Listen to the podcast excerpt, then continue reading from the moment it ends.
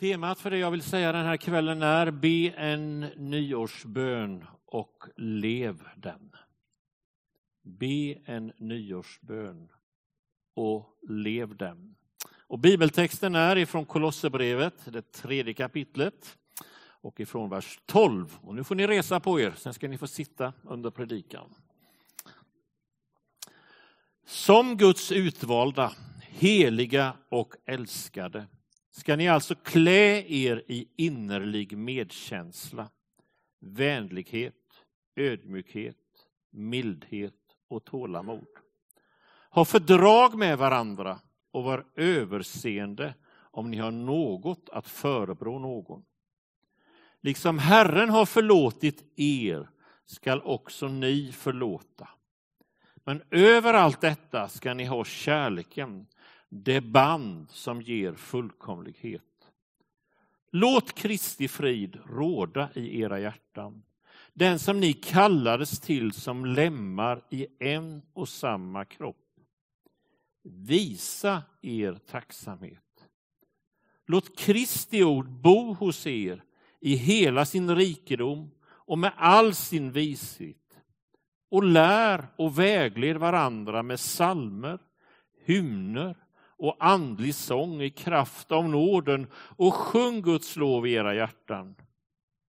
Låt allt vad ni gör i ord eller handling ske i Herren Jesu namn och tacka Gud Fadern genom honom. Herre, så ber vi att ditt ord ska få gå in i våra liv, att vi ska få leva av dem, att de ska vägleda oss och ge oss den kraft som vi så väl behöver. I Jesu namn. Amen. Varsågod och sitt. Jag vill önska er alla ett riktigt gott nytt år, en god fortsättning på det här nya året som har börjat. Ska man säga 2020 eller 2020? Det är sånt där man går och funderar på i ett eh, nytt år. Och varje gång tycker jag när man också firar nyår så blir det ju ett tillfälle som vi får för eftertanke. Och så tänker man också framåt. Vad ska ett nytt år innebära? Och när jag tänker bakåt så konstaterar jag ganska snabbt att året som har varit gick väldigt fort. Men tänker jag ett år framåt, då tycker jag, ja, det är ju ganska lång tid. Är det 366 dagar det här året? va? Ja. Som ligger framför. Som vi ska fylla med innehåll. Och året som har gått, det har gått väldigt fort. Och så ligger det någonting framför och väntar. Som någon har sagt, ett vitt papper som ska fyllas med vardag, gemenskap, arbete, meningsfullhet. Och den här bibeltexten jag har läst här idag skulle jag önska kunde kanske få vara med och leda oss in i det här nya året. En bön som vi ska leva. Paulus han skriver Klä er. Det är intressant att Bibeln talar om kläder. Jag tror att när vi skulle gå till den här gudstjänsten så funderade på vad ska vi ha på oss idag. En del har ju förmågan att välja själva. Andra frågar, passar det här? Kan jag ha det här? Och så vill vi ha smakråd. Och så vet vi att klädmodet det förändras. Det som var modernt för tio år sedan, det vill vi inte ha på oss idag. Även om vi har detta med återanvändning, second hand, det har ju blivit modernt och det är ju faktiskt väldigt, väldigt bra att vi kan återanvända kläder. När Bibeln talar om kläder så handlar det inte i första hand om det yttre utan om den inre klädnaden. Hur ska vi rusta oss? Hur ska vi klä oss så att våra liv blir användbara för Gud och våra medmänniskor? Det är det som är utmaningen. Och de frågorna tar Paulus upp i Kolosserbrevet. Och visst är det en bön inför ett nytt år. Hur ska jag klä mig så att jag blir användbar av Gud och kan tjäna mina medmänniskor? Paulus ger oss några goda råd. Klä er med innerlig medkänsla. Det här ordet innerlig medkänsla är ett väldigt kraftfullt ord som betyder att beröras i djupet av sitt inre. Det handlar alltså inte bara om någonting ytligt som kommer till oss och som rinner av oss när vi lämnar kyrkan den här kvällen. Utan någonting som vi liksom får bära med oss och som finns där, som påverkar våra liv. Och så handlar det ju om relationen med våra medmänniskor. Och Jesus själv är ju här det stora föredömet. I Matteus evangeliet så läser vi om Jesus när han såg människorna fylldes han av medlidande. Någonting hände alltså i Jesu inre när han såg hur människor hade det. Och jag tänker så här, var det viktigt för Jesus att beröras i det inre? Hur viktigt är det inte då för oss, varenda en? Paulus vill utmana oss den här dagen. Klä er med en innerlig medkänsla. Låt dig beröras av det du ser. Men också det handlar om att beröras av Jesus Kristus. Så det handlar om att ha ett hjärta som är mottagligt för det Jesus vill vara med och göra. För det som rör Jesu hjärta blir också någonting som rör vid mitt hjärta. Det handlar om ett varmt hjärta, inte kallt, som är likgiltigt inför det man ser och inför det man hör och inför det man möter, utan ett hjärta som får beröras. Innerlig medkänsla. Klä dig med det. Och så går Paulus vidare och talar om ödmjukhet. Jag tycker de här orden står ju egentligen ganska nära varandra, ödmjukhet och medkänsla. Men jag tänker vidare så ser jag, det finns nog mer att hämta här. Motsatsen till ödmjukhet är ju högmod, stolthet.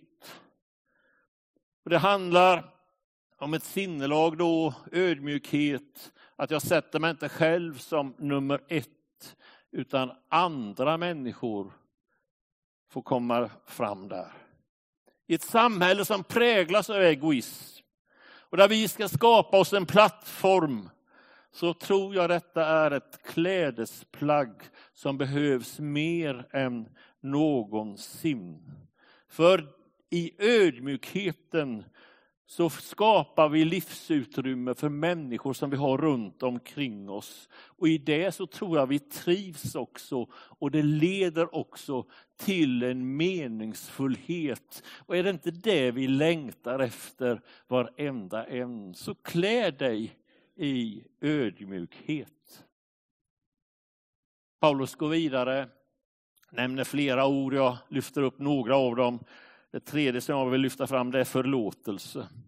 Att leva i förlåtelse och försoning, det är inte alltid lätt. Men det är alltid välsignat. Inför ett årsskifte så tycker jag det är underbart skönt att förlåtelsen finns. Men när man ser tillbaka så ser man brister, man ser svagheter och man tänker det skulle du ha gjort och det skulle du ha gjort. Men då är det så skönt, där finns förlåtelsen och Guds nåd som kommer liksom och fyller upp den här skillnaden för det som jag hade tänkt men inte riktigt orkat med. Men också inför ett nytt år, så visst är det skönt att kunna få ha med förlåtelsen. Det där arket som ska skriva, som är vårt nya år. Visst kommer vi att göra fel också. Min stora tröst i livet har ju varit den som ingenting gör, gör inga fel. Och det har varit min hjälp i församlingsarbetet i alla år. För ibland så även om man vill göra så gott man kan så kan det ibland uppstå ett litet fel. Bernt Gustafsson, religionssociologen, talar om Gud, talar om förlåtelsen. Och så sa han, jag ser förlåtelsen som Guds suddgummi. När vi ber om förlåtelse så suddar Gud, säger Bernt Gustafsson, så flagorna flyr. Och så kan vi börja skriva på nytt igen. Och jag behöver få leva i detta. Jag behöver liksom få klä mig i detta. Jesus, jag behöver din förlåtelse den ena gången efter den andra. Det är en sak att förlåta. Men det är att gå vidare så handlar det också om att försonas. Att förlåta, ja det kan jag göra själv. Men att försonas, då måste bägge parter vara med. Pastorn och författaren Mikael Hallenius berättar om detta i en artikel i tidningen Dagen i somras. Han är född i Sydamerika, kom som adoptivbarn hit till Sverige och han berättar om att hans adoptivmamma övergav honom på grund av missbruksproblem. Och så fick han frågan av reportern, har du förlåtit henne? Och svaret kom, ja, jag har förlåtit henne, men vi hann inte försonas. Varför det, säger reportern. Jo, för att försonas så måste bägge parter vilja och att det finns möjlighet att kunna mötas. Och det fick de inte den möjligheten. Gud vill att vi ska förlåta. Gud vill också att vi ska försonas. Och jag behöver det i mitt liv och vi behöver det allesammans. Och Paulus säger detta till oss, tror jag, inför ett nytt år. Lev i förlåtelsen. Lev i försoningen. Det är inte alltid lätt, men det är alltid välsignat. Över allt detta, säger Paulus, ska du ha kärleken. Bibelöversättningen The Message kallar kärleken för basplagget. Och jag tycker om när gamla ord får en ny betydelse på något sätt. Vad är ett basplagg för någonting? Jo, det är ju utifrån det som många av er bygger er garderob, er klädstil. För en del av oss så är jeansen det är liksom vårt basplagg som vi använder väldigt, väldigt ofta. För andra så kan det kanske vara svarta kläder som man liksom har och så bygger man med lite olika färger när, när det gäller det hela. När Bibeln talar om basplagget, det vi ska utgå ifrån, så handlar det om kärleken. Det är det som liksom ska vara grunden, utgångspunkten för allt vi gör. Ett kristet liv utan kärlek blir hårt, egoistiskt, oförsonligt. Men ett liv med kärlek som basplagg, då blir livet innerligt. Det blir medkännande, det blir ödmjukt, det blir förlåtande. Ja, de här karaktärsdragen som gör så god atmosfär och som jag tror att vi alla längtar efter. Gud ger mig lite mer av detta. Och den här nyårsdagen så får vi klä oss i detta. Ta på oss detta inför ett nytt år. Så går Paulus vidare och ger oss några uppmaningar.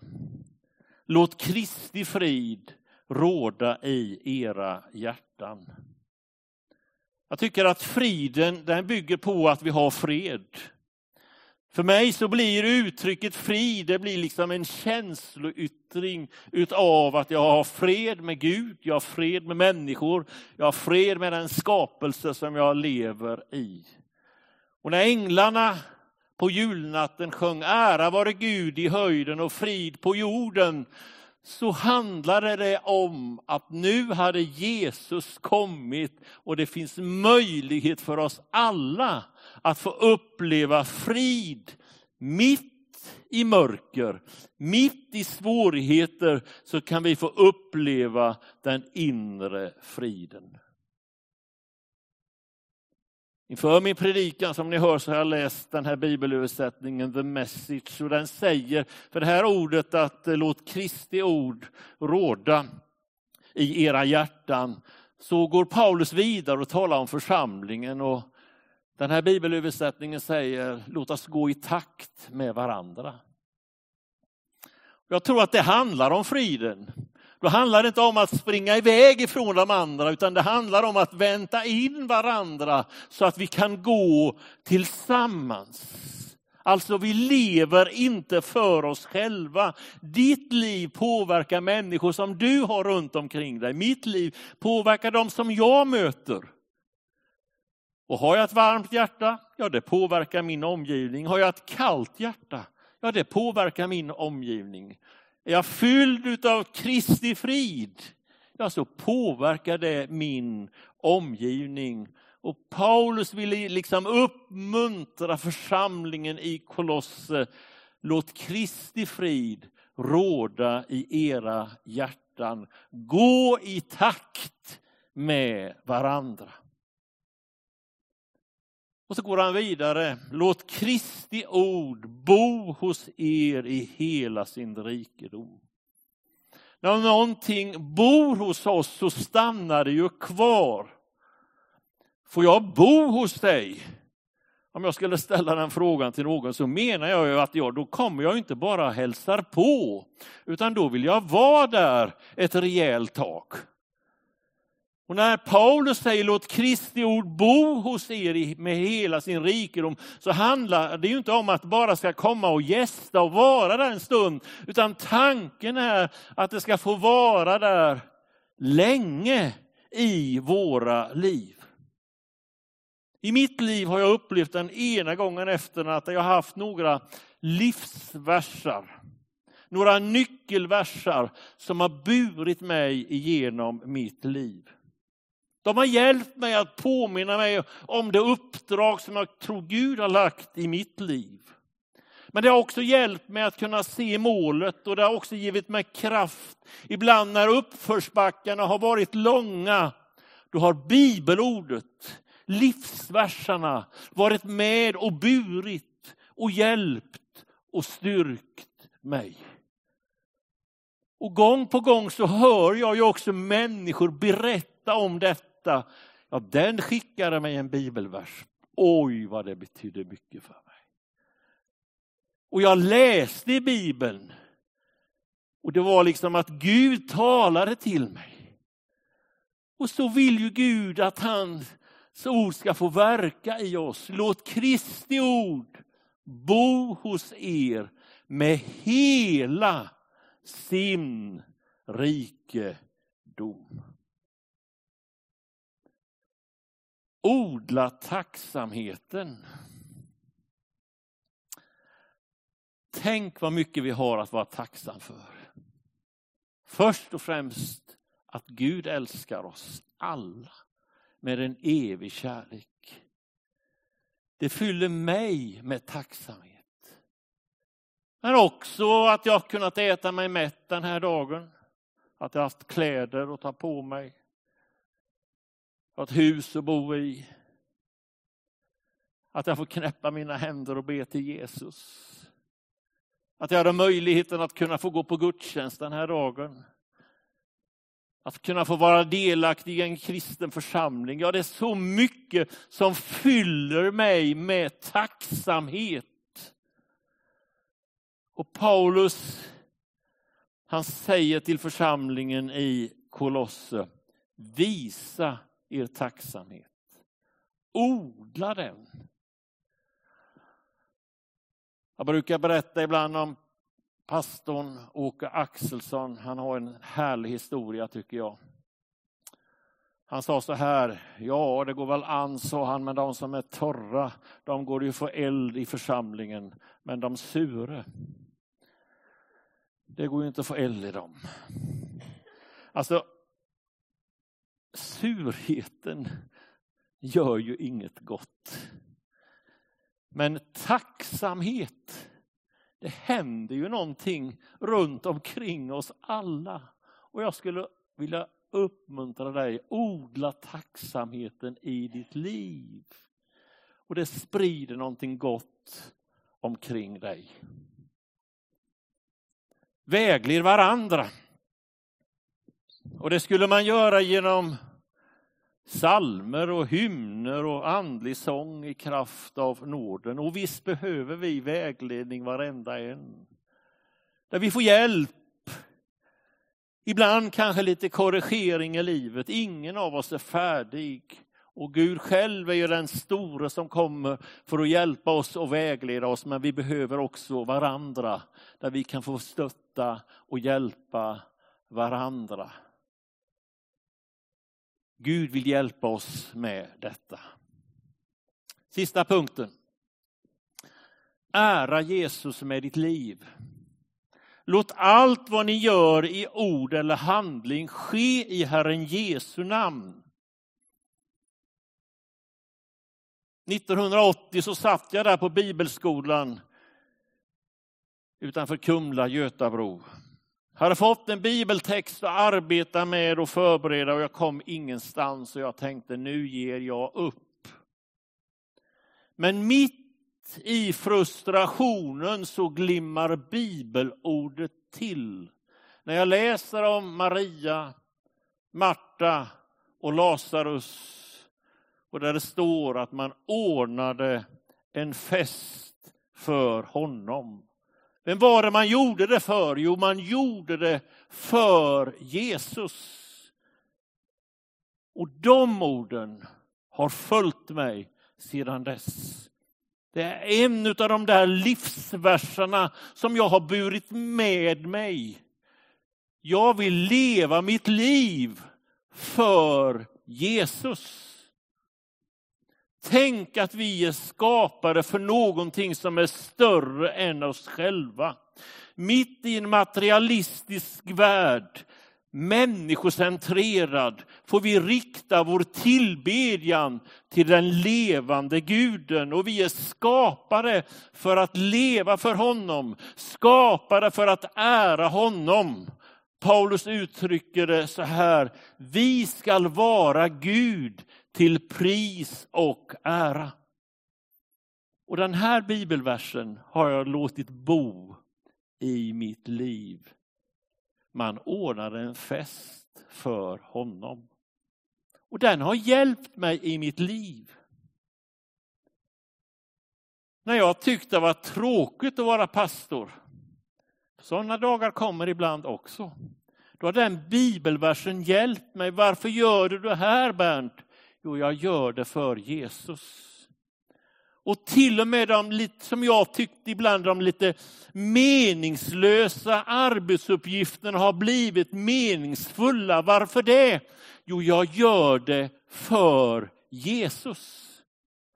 Och den versen har blivit någonting av en livsfilosofi.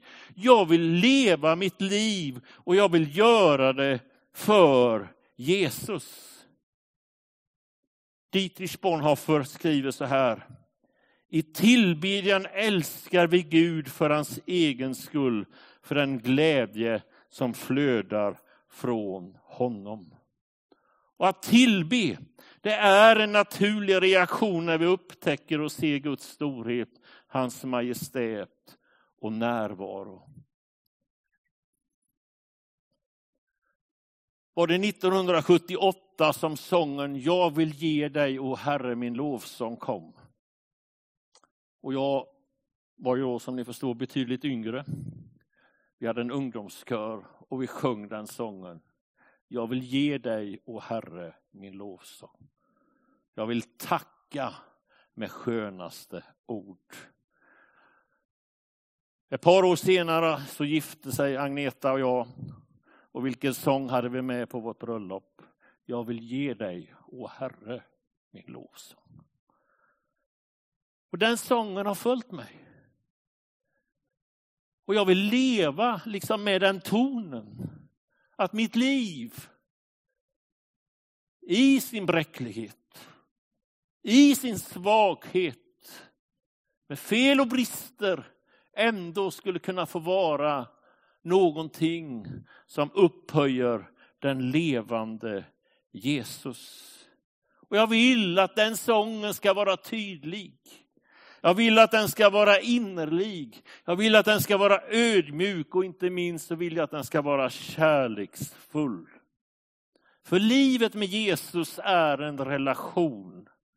En relation vet vi, den kan gå upp och den kan gå ner.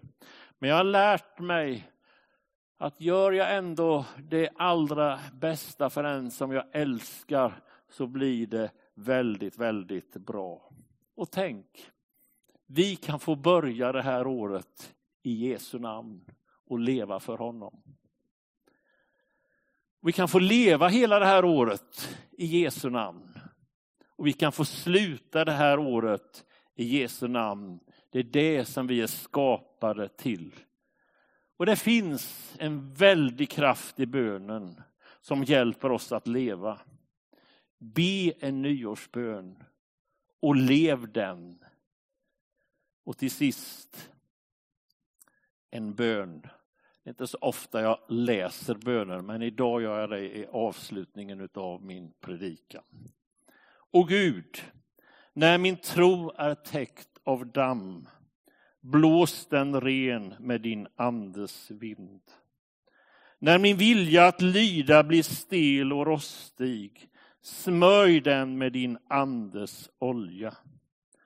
Återuppliva glöden i min kärlek till dig och den beredvillighet som präglade min första vilja till lydnad. Amen.